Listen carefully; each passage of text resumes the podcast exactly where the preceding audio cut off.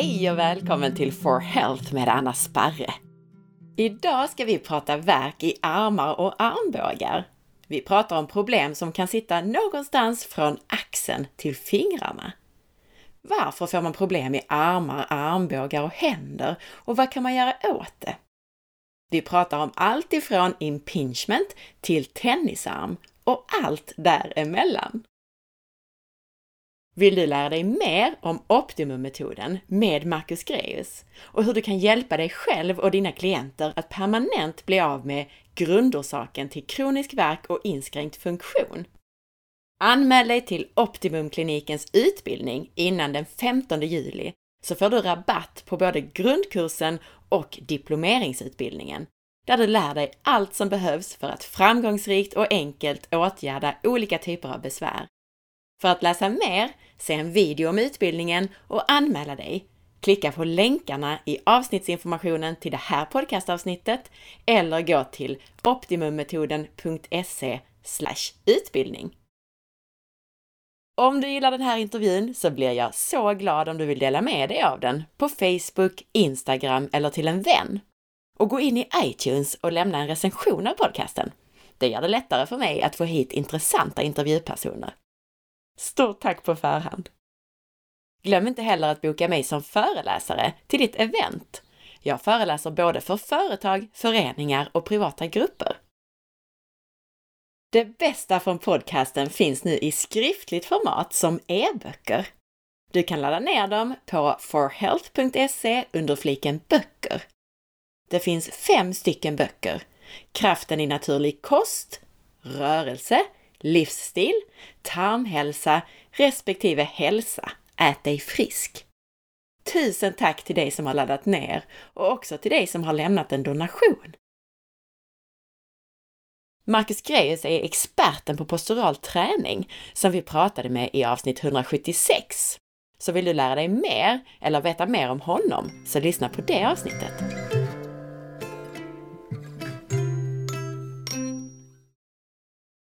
Jag tänkte idag, Marcus, att vi ska prata om värk i armar och armbågar.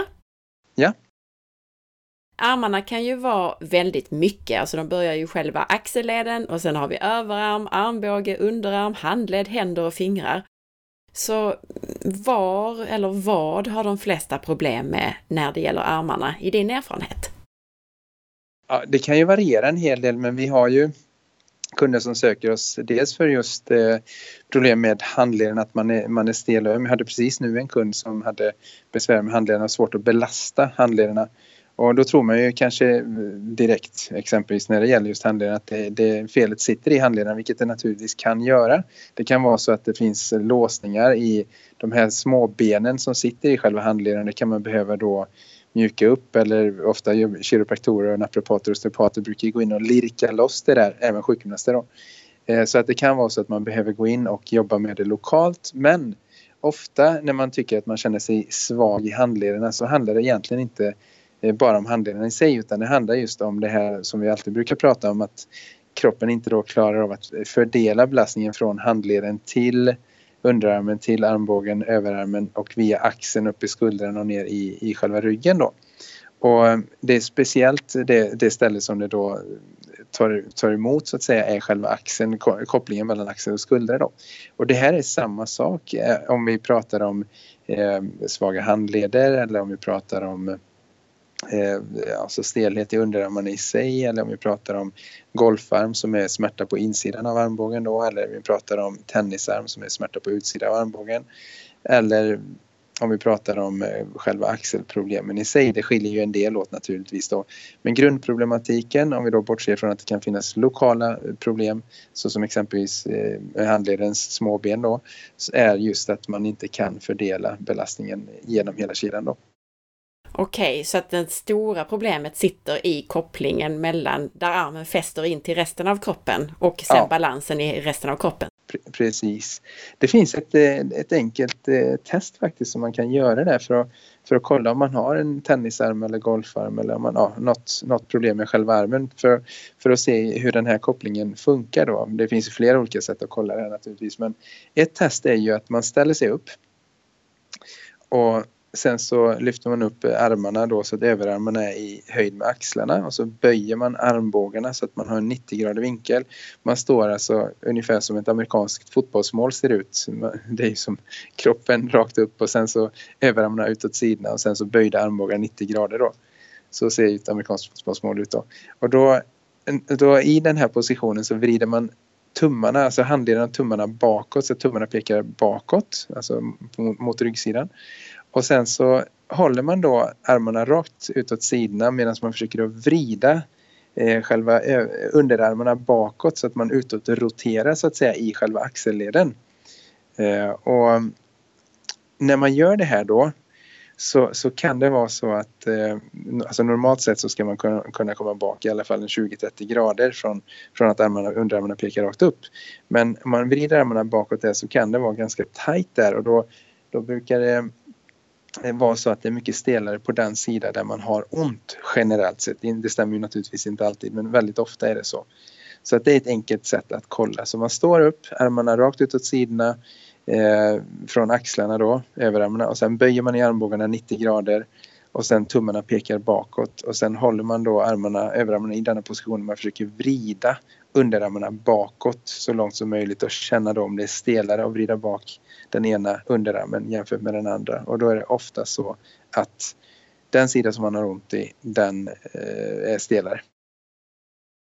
Om man nu inte vet vad ett amerikanskt fotbollsmål ser ut som så kan man ju googla fram det med en bild på, på Google. Så att om ja, man står precis. så då och sen så pekar tummarna bakåt. Det du vill ja. sen då är att man lutar så att säga armarna, alltså så att man trycker med händerna bakåt. Om du förstår ja, vad jag menar va?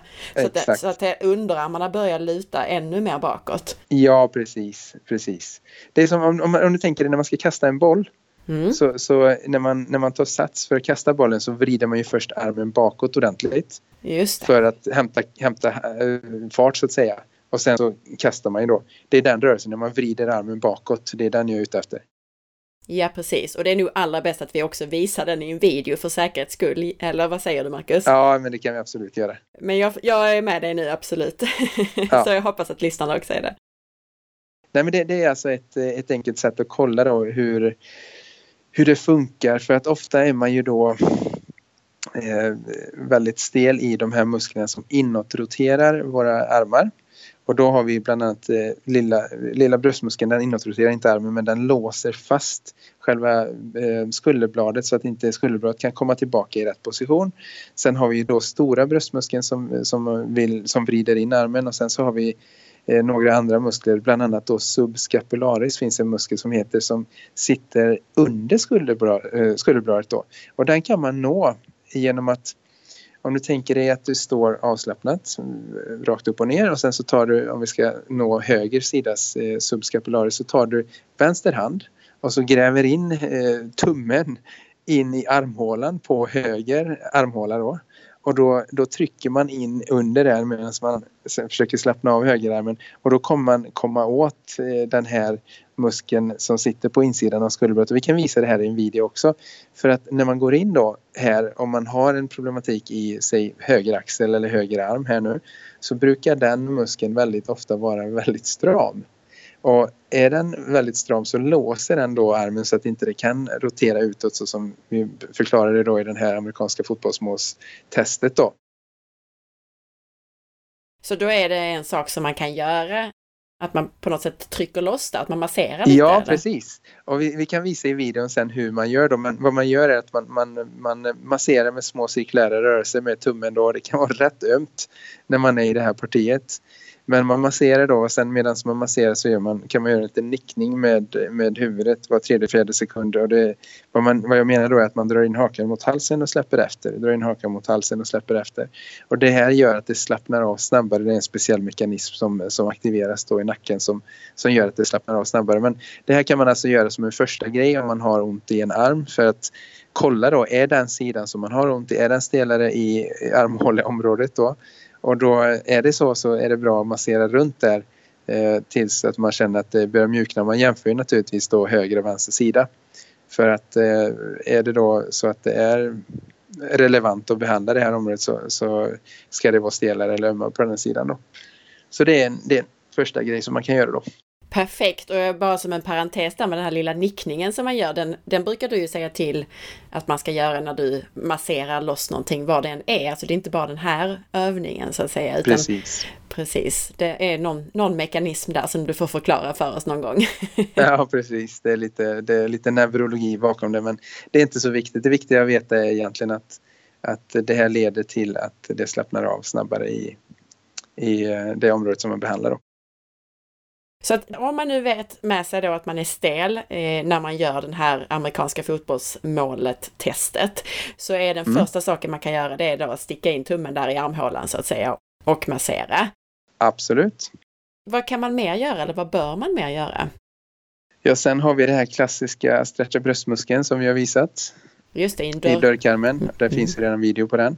Ja. Eh, sen kan man då stretcha underarmen också för ofta är man ju stel i underarmarna och då kan man, eh, vi kan eh, visa en video på den sen också, men, men man kan då ställa sig vid en vägg mot väggen så att man har ansiktet in mot väggen och tårna i princip ända in till väggen då.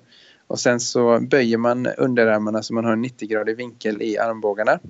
Och så sätter man då handflatorna platt in mot väggen så att eh, fingrarna pekar rakt neråt. Och, och då lyfter man upp händerna så pass högt så att man har en 90-gradig vinkel som sagt i armbågarna. Och sen så eh, sitter då händerna platt mot väggen samtidigt som man tänker att man håller upp bröstet och håller ihop skulderbladen då.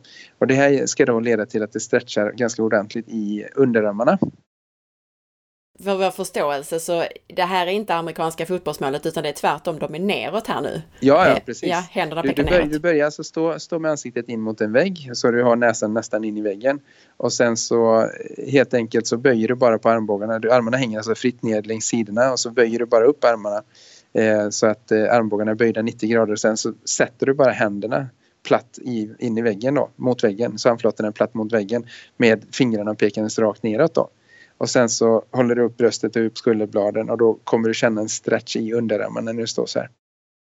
Det här hjälper då till att släppa på spänningar i underarmarna samtidigt som det också hjälper till i och med att man håller ihop skulderbladen bak i ryggen så hämmar det då stramheten i, i eh, lilla bröstmuskeln bland annat då och lilla bröstmuskeln är kopplad till underarmen via bindväv så att man slår två flugor i en smäll det är därför man står i en sån här position och gör det då. Och då brukar det ofta vara så att man är klart stelare i underarmen på den sida som man har ont. Där har jag lärt mig någon gång att för att komma åt bindväv och så, så behöver man ofta stå lite längre i en position. Vad säger du om det? Ja, alltså vi brukar ju generellt säga att man står ungefär en halv minut och sen repeterar man det ett par, tre gånger och det, det brukar räcka tycker vi generellt sett då. Och sen om, om det skulle vara stelare än så, så att det inte räcker så brukar vi gå in och behandla det då. Så att eh, då, då släpper det ju snabbt i alla fall med de här specialbehandlingarna som vi gör då. Är det någon annan övning man ska göra? Jag tänker också bara på den här positionen man står och testar i amerikanska fotbollsmålet. Är det inte bra att bara träna på att göra så? Jo, absolut. Absolut, det kan man göra. Eh, så att när man står så, så om man känner att man är stelare och kommer bak med ena armen så kan man ju jobba då med att försöker tänja mjukt och fint för att komma bak och man kan till och med ta, stå i en dragapparat eller ha en gum, ett gummiband som man börjar med eh, underarmen framåtvriden och så vrider man tillbaka hela vägen så långt bak som man kommer och sen släpper man fram och så tillbaka så man gör utåtrotationer i den här positionen. Så det kan man absolut göra också. Sen finns ju naturligtvis bicepsstretchen då och då Eh, många gånger så när man har ont i underarmarna återigen då så har man blivit för kort i bicepsmuskulaturen då och då kan man testa sig själv om man har behov av det här genom att man bara står helt naturligt och sen testar man att sträcka ut armbågarna så de blir helt raka och då är det så att man har eh, en stelhet här så kan man inte räta ut armbågen. Naturligtvis kan det ju vara så att man har skadat sig och brutit armen eller så så att det verkligen inte mekaniskt går att räta ut den men vi har haft många kunder genom åren som har sagt att nej, nej, jag kan inte eh, räta för att eh, det händer det och det och jag har opererat och så vidare då. Men, men när vi börjar titta på det och behandlar och gör övningen så, så kan vi oftast få det väldigt, väldigt mycket bättre om, om inte till och med helt rakt då.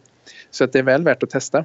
Så du menar att om man sträcker ut armen rak allt vad man kan så, så blir den ändå inte rak därför att man är för kort i biceps?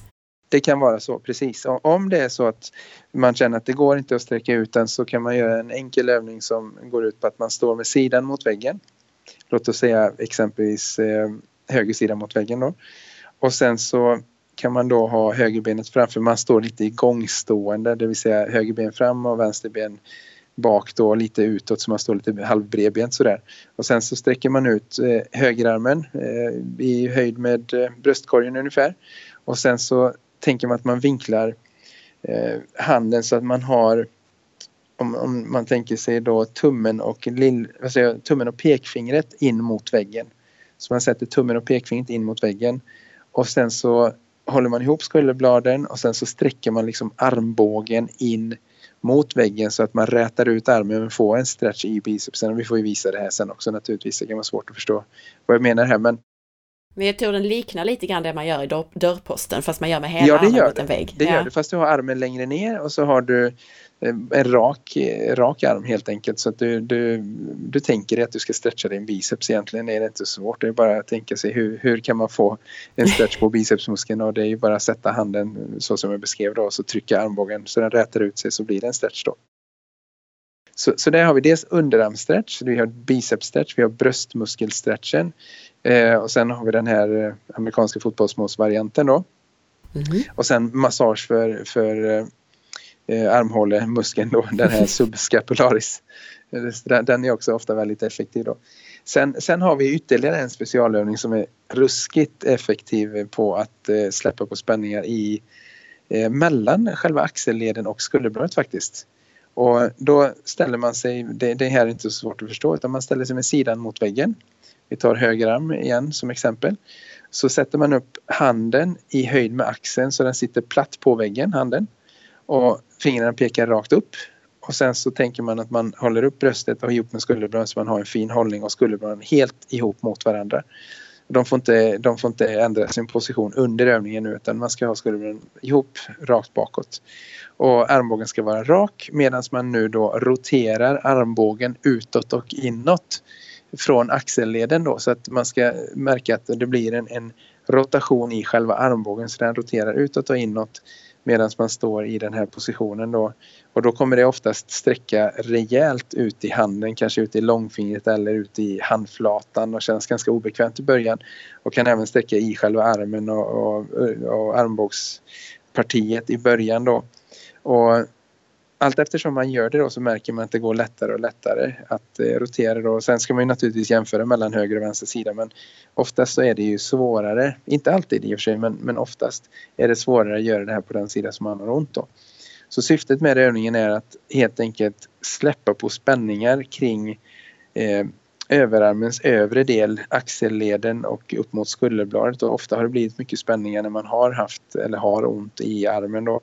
Och eller man kan säga tvärtom egentligen för det, det är ju de här spänningarna som leder till att man får ont för att när, när man har spänningar så funkar inte kopplingen då. Men det här återställer då den här kopplingen mellan mellan armen och skulderbladet eh, i kombination med naturligtvis de andra övningarna också. Då. Sen mm. finns det ju olika, flera andra övningar som man kan behöva göra men det här är bra startövningar. Ja, jag tänkte bara fråga här den sista övningen. Som jag förstår det rätt, om, du, om jag står med sidan mot väggen och handflatan mot väggen i höjd med, med axeln, då kan jag mm. rotera armbågen, ska vi säga framåt och bakåt, men inte riktigt utåt och inåt, eller förstår jag det fel? Alltså vi kallar det, för det blir en utåt och inåt rotation i själva axelleden, så det kallas att vi säger att du roterar den inåt, men det blir ju framåt och bakåt i praktiken. Just det, vad bra. Ja, jag tror det, det är bra för det, förståelsen. Ja. ja, precis, precis. Men det, det, det är alltså en inåt utåt rotation i axelleden som sker då. Jag gissade nästan det, för det var så du förklarade det tidigare också, så då, då, kan man också ja. tänka tillbaka på det du sa innan. Ja, just det. Sen finns en till övning som, som är, för det här är, det, det är ett gäng och det, det, tar inte speciellt lång tid att göra dem här egentligen, det kan gå på en 10-15 minuter. Men en, en till övning som heter väggklockan då. Som är också en sån riktig värsting till övning om man är stel. Eh, och då, då gör man så att man ställer sig återigen med ansiktet in mot väggen. Och sen vinklar man in tårna så att man står inåttåad, eh, ungefär en 30 graders vinkel inåt med båda fötterna och tårna går in mot väggen då. Man sträcker på knäna och spänner framlåren, låter magen slappna av och sen så eh, ansiktet eh, in mot väggen så man kan ha pannan mot väggen egentligen då. Sen sträcker man upp armarna så de är rakt upp förbi öronen så de pekar rakt upp i taket. Och så håller man då raka, helt raka armar och sen så låser man ut armbågarna så de är helt utsträckta. Och sen så kan man böja fingrarna så att man, man eh, liksom har som en knytnäve. Och tummarna ska peka utåt då. Så man vrider tummarna utåt. Och så håller man den här positionen med armarna spikrakt uppåt samtidigt som man försöker vrida eh, underarmarna och axlarna utåt så mycket som det går. Och, och håller axlarna, axlarna sänkta också för att ofta blir det att man råkar sticka, alltså höja upp axlarna mot öronen när man står. Det ska man alltså inte göra utan man ska hålla axlarna sänkta och armarna raka medan man försöker vrida tummarna gradvis mer och mer utåt från axlarna. Och sen håller man den här positionen då kanske en sex andetag eller sådär. Och sen så går man vidare till att man har armarna i 10 i 2 position, det vill säga man för ut armarna lite bredare isär. Så de pekar som 10 i 2 på en klocka. Och så gör man samma sak här i en sex andetag eller så. Och sen så gör man samma sak i kvart i tre position med armarna då. Och det här gör då att man släpper på en massa spänningar i de här musklerna som inåtroterar armarna som gör att vi ser ut som gorillor. Om vi, ni vet hur man armarna är inåtroterade, axlarna framåtsjunkna då. Och så, så hjälper det då att aktivera de här musklerna som, som roterar armarna och axlarna utåt. Så att man gör det i tre olika positioner för att komma åt det på mest, det mest effektiva sättet. Då. Och jag ska förklara den igen, för den här har jag fått testa. Och eh, när man då står i den första positionen, man står alltså med framsidan av kroppen mot en vägg och armarna rakt upp. Tummarna pekar bakåt, alltså bort från väggen kan man säga. Och därifrån sen då när man, man försöker sänka sina axlar, men därifrån vrider man, alltså man har, tummarna pekar ju bakåt från väggen, men sen försöker man vrida dem ja, utåt. utåt. Precis. Ja, precis. Ja, för jag tror att eh, det kan ha varit svårt att förstå det, just den biten, var tummarna tar vägen. Men ja. den får vi nog också visa va, i en video. Ja, men den, den är också ruskigt effektiv just för att den, den tränar då, och man gör ju den här efter man har gjort de andra då, men den tränar nu att eh, stärka den här kopplingen från handleden via underarmen, armbågen upp till överarmen, axelleden, skuldran och hela vägen ner mot ryggen. Då.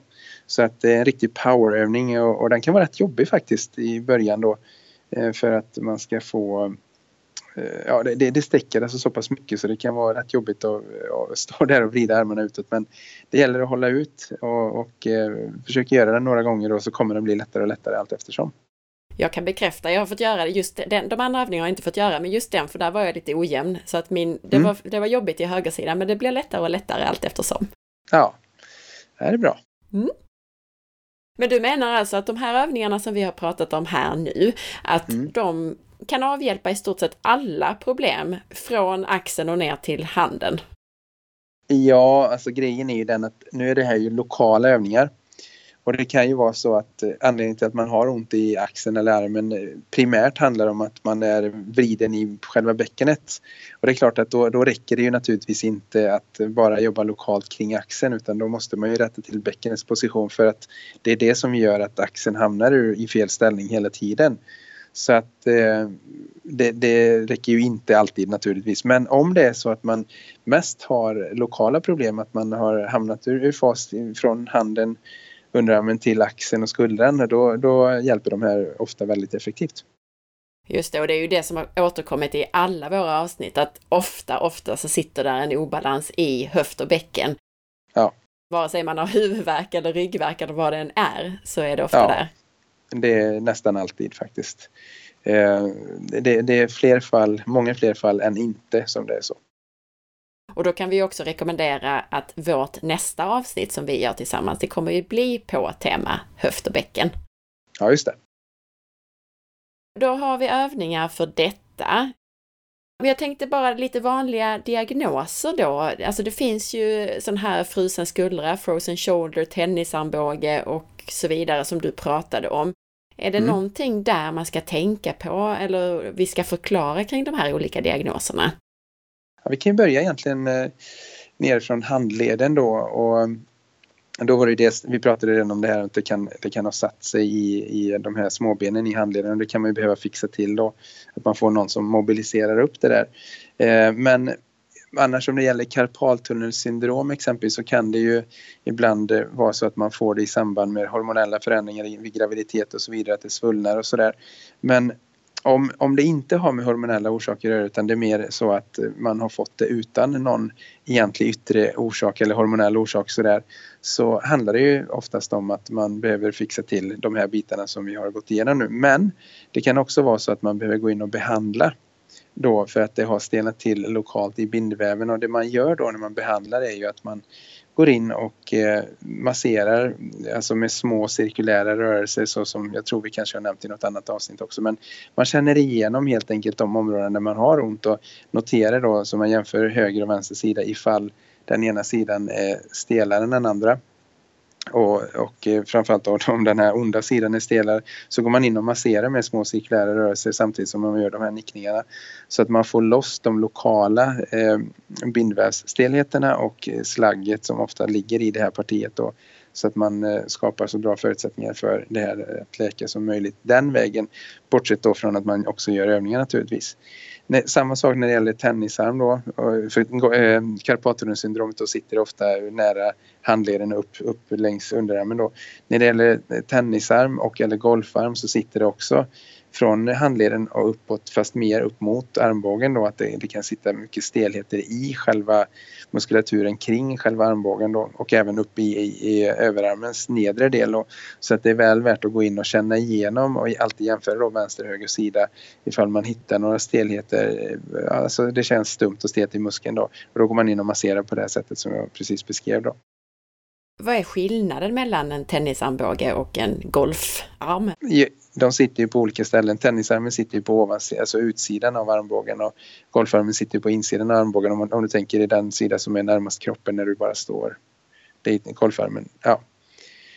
Så att annars, eh, annars är det väl ingen skillnad utan det, det är en inflammation i, i muskelfästena där eh, som, som det handlar om då.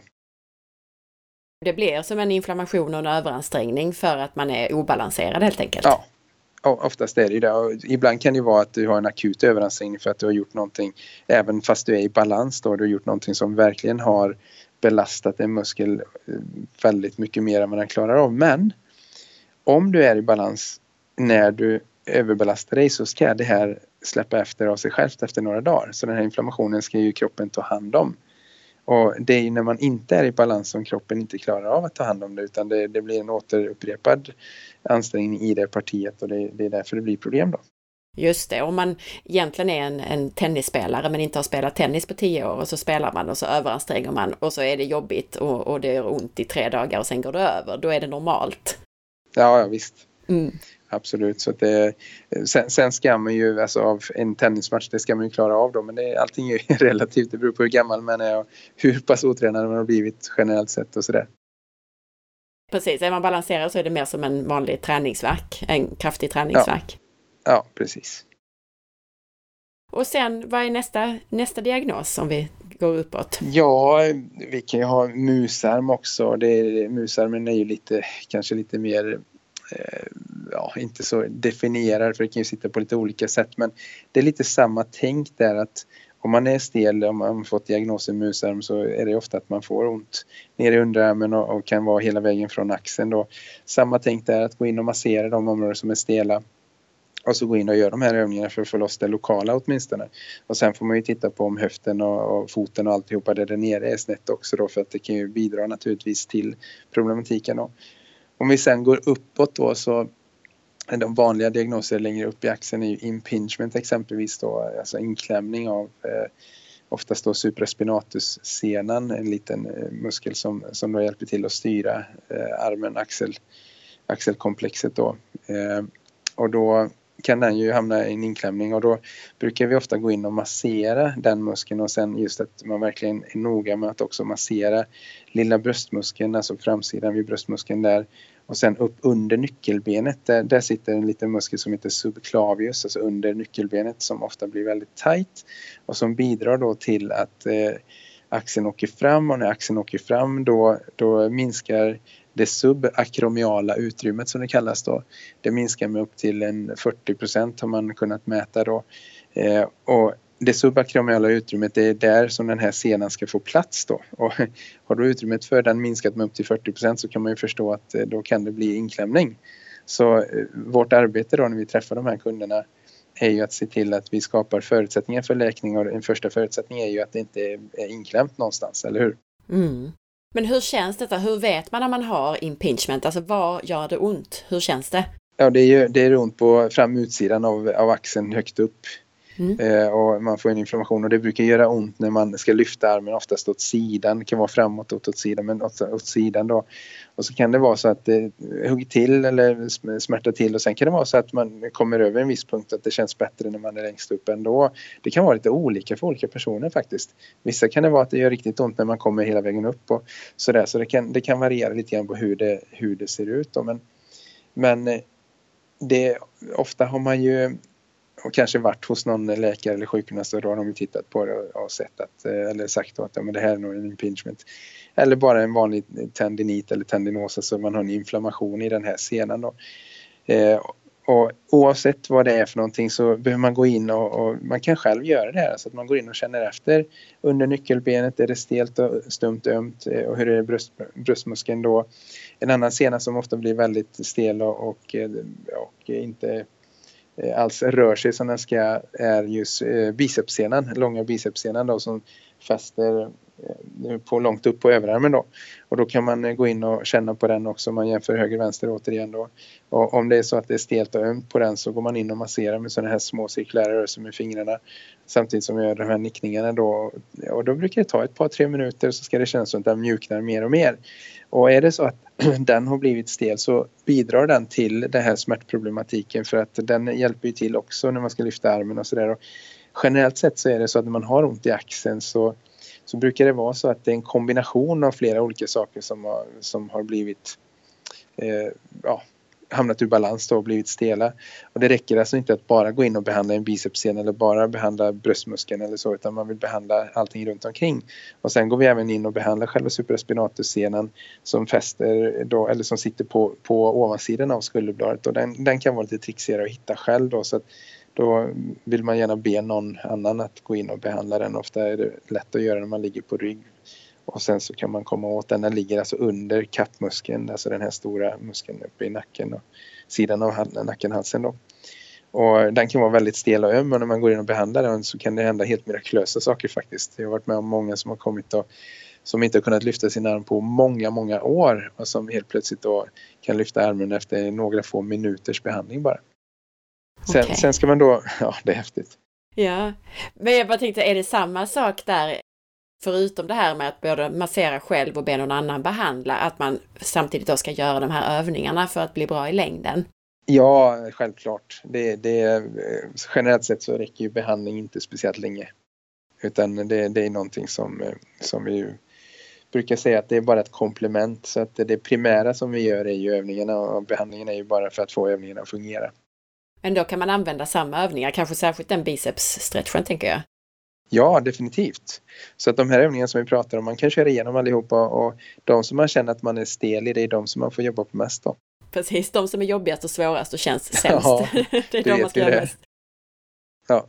Jag brukar försöka säga att men det här går inte, det är inte lönt att göra den här övningen, men det, det är tvärtom. ja, man brukar ju säga det, du ska göra mer av det som du är dålig på. Precis. Ja. Är det något annat där kring impingement? Ja, just att det är viktigt att massera runt själva ledkapseln, alltså precis runt övre delen av axeln runt omkring hela, gå in och riktigt borra in sig med fingrarna för att ofta sitter det stelheter kring själva senfästena på övre delen av överarmen då. Och det kan vara rejält ömt där så att det gäller att massera loss ordentligt. Ofta sätter man ju en spruta där man går till läkaren så ger de en kortisonspruta just i det området också. Mm. Men man kan komma åt en hel del av de partierna med fingrarna också. Kanske inte hela vägen längst in där man kommer åt hos läkaren med spruta men det behövs inte oftast utan bara man kan göra det som vi pratat om plus övningar så brukar det leda till mycket förbättring ändå. Jättebra. Frusen skuldra, frozen shoulder, vad är det för någonting? Frusen skuldra är ju, det, det är en ett tillstånd som anses vara idiopatiskt, alltså utan känd orsak. Och man anser då att ledkapseln skrumpnar. Eh, alltså själva ledkapseln som sitter runt axelleden, att den drar ihop sig och det i sin tur gör att ja, allting runt omkring stelnar till också. Då blir man väldigt stel och man får, man får väldigt mycket ont. Oftast det, det, det går genom olika faser så att man är väldigt stel och man har väldigt ont på nätterna exempelvis. Och allt eftersom så börjar det ge med sig så men det kan ta eh, något år eller till och med två innan det här tillståndet helt gett med sig. Så att eh, Eh, eh, ofta ska jag också säga så händer det här efter att man har skadat armen eller området kring armen, skulden på något sätt så att man har blivit mindre rörlig i den sidan eh, ett tag innan det här börjar då inträda eller, eller man börjar känna av de här symptomen då. Så att är det lite man, som att man inte använder den så, ja, så precis. den? Så, så att det, det, här kommer vi tillbaka till det att det, if you don't use it you're gonna lose it säger man ju i USA då. Så det är väldigt viktigt att hålla alla sina leder igång och frozen shoulder är en riktigt jobbig diagnos. Och den är svår att komma åt sådär på kort, eh, kort sikt. Det vi gör med dem är att vi går in och behandlar och, och så vidare men just när ledkapseln verkligen har dratt ihop sig och, och, så, så är det svårt att komma åt i det akuta skedet.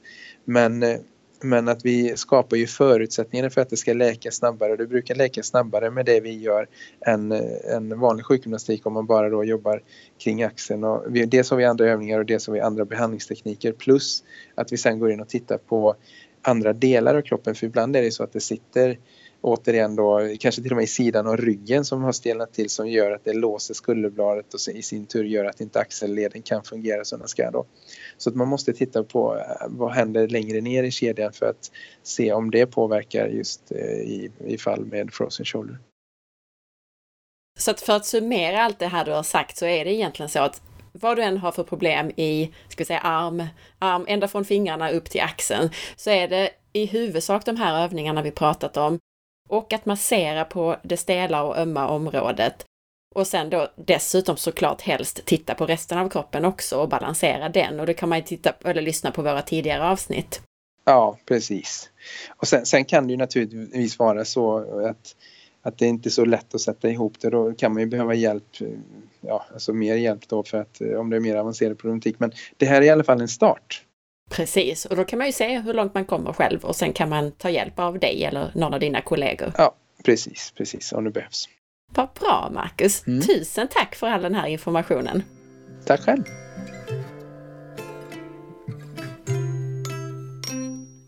Du kan vinna ett gratisbesök på Optimumkliniken till ett värde av 3000 kronor genom att dela det här avsnittet. För att vara med och tävla så behöver du gå till facebook.com forhealth.se och dela inlägget om det här avsnittet. Skriv också en kommentar till inlägget på Facebook så att jag säkert ser att du delat avsnittsinformationen på Facebook. Tack för att du lyssnade! Jag hoppas att du gillade intervjun. Och om du gillade podcasten så glöm nu inte att dela med dig. Missa inte heller att följa med på facebook.com forhealth.se och på Instagram via signaturen asparre. Veckans recension i iTunes är från A till Ö 123 som skriver Absolut den bästa podden! Jag är så glad att jag har hittat rätt i poddträsket. Här får man fantastisk och nödvändig information om hur man ska leva för att må bra. Och så är det såna här fina bilder på applåder. Tack! Tusen tack för den här fina recensionen. Ha nu en riktigt fin dag så hörs vi snart igen. Hej då!